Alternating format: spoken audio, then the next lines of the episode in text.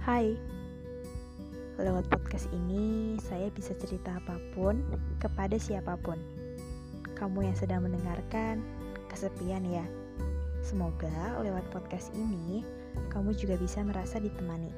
Oh iya, saya mau bilang terima kasih ya. Terima kasih sudah memutar setiap suara yang ada di sini. Kalau boleh, ajak teman kalian juga buat dengerin podcast dan nangis. Salam kenal dan selamat mendengarkan. Thank you.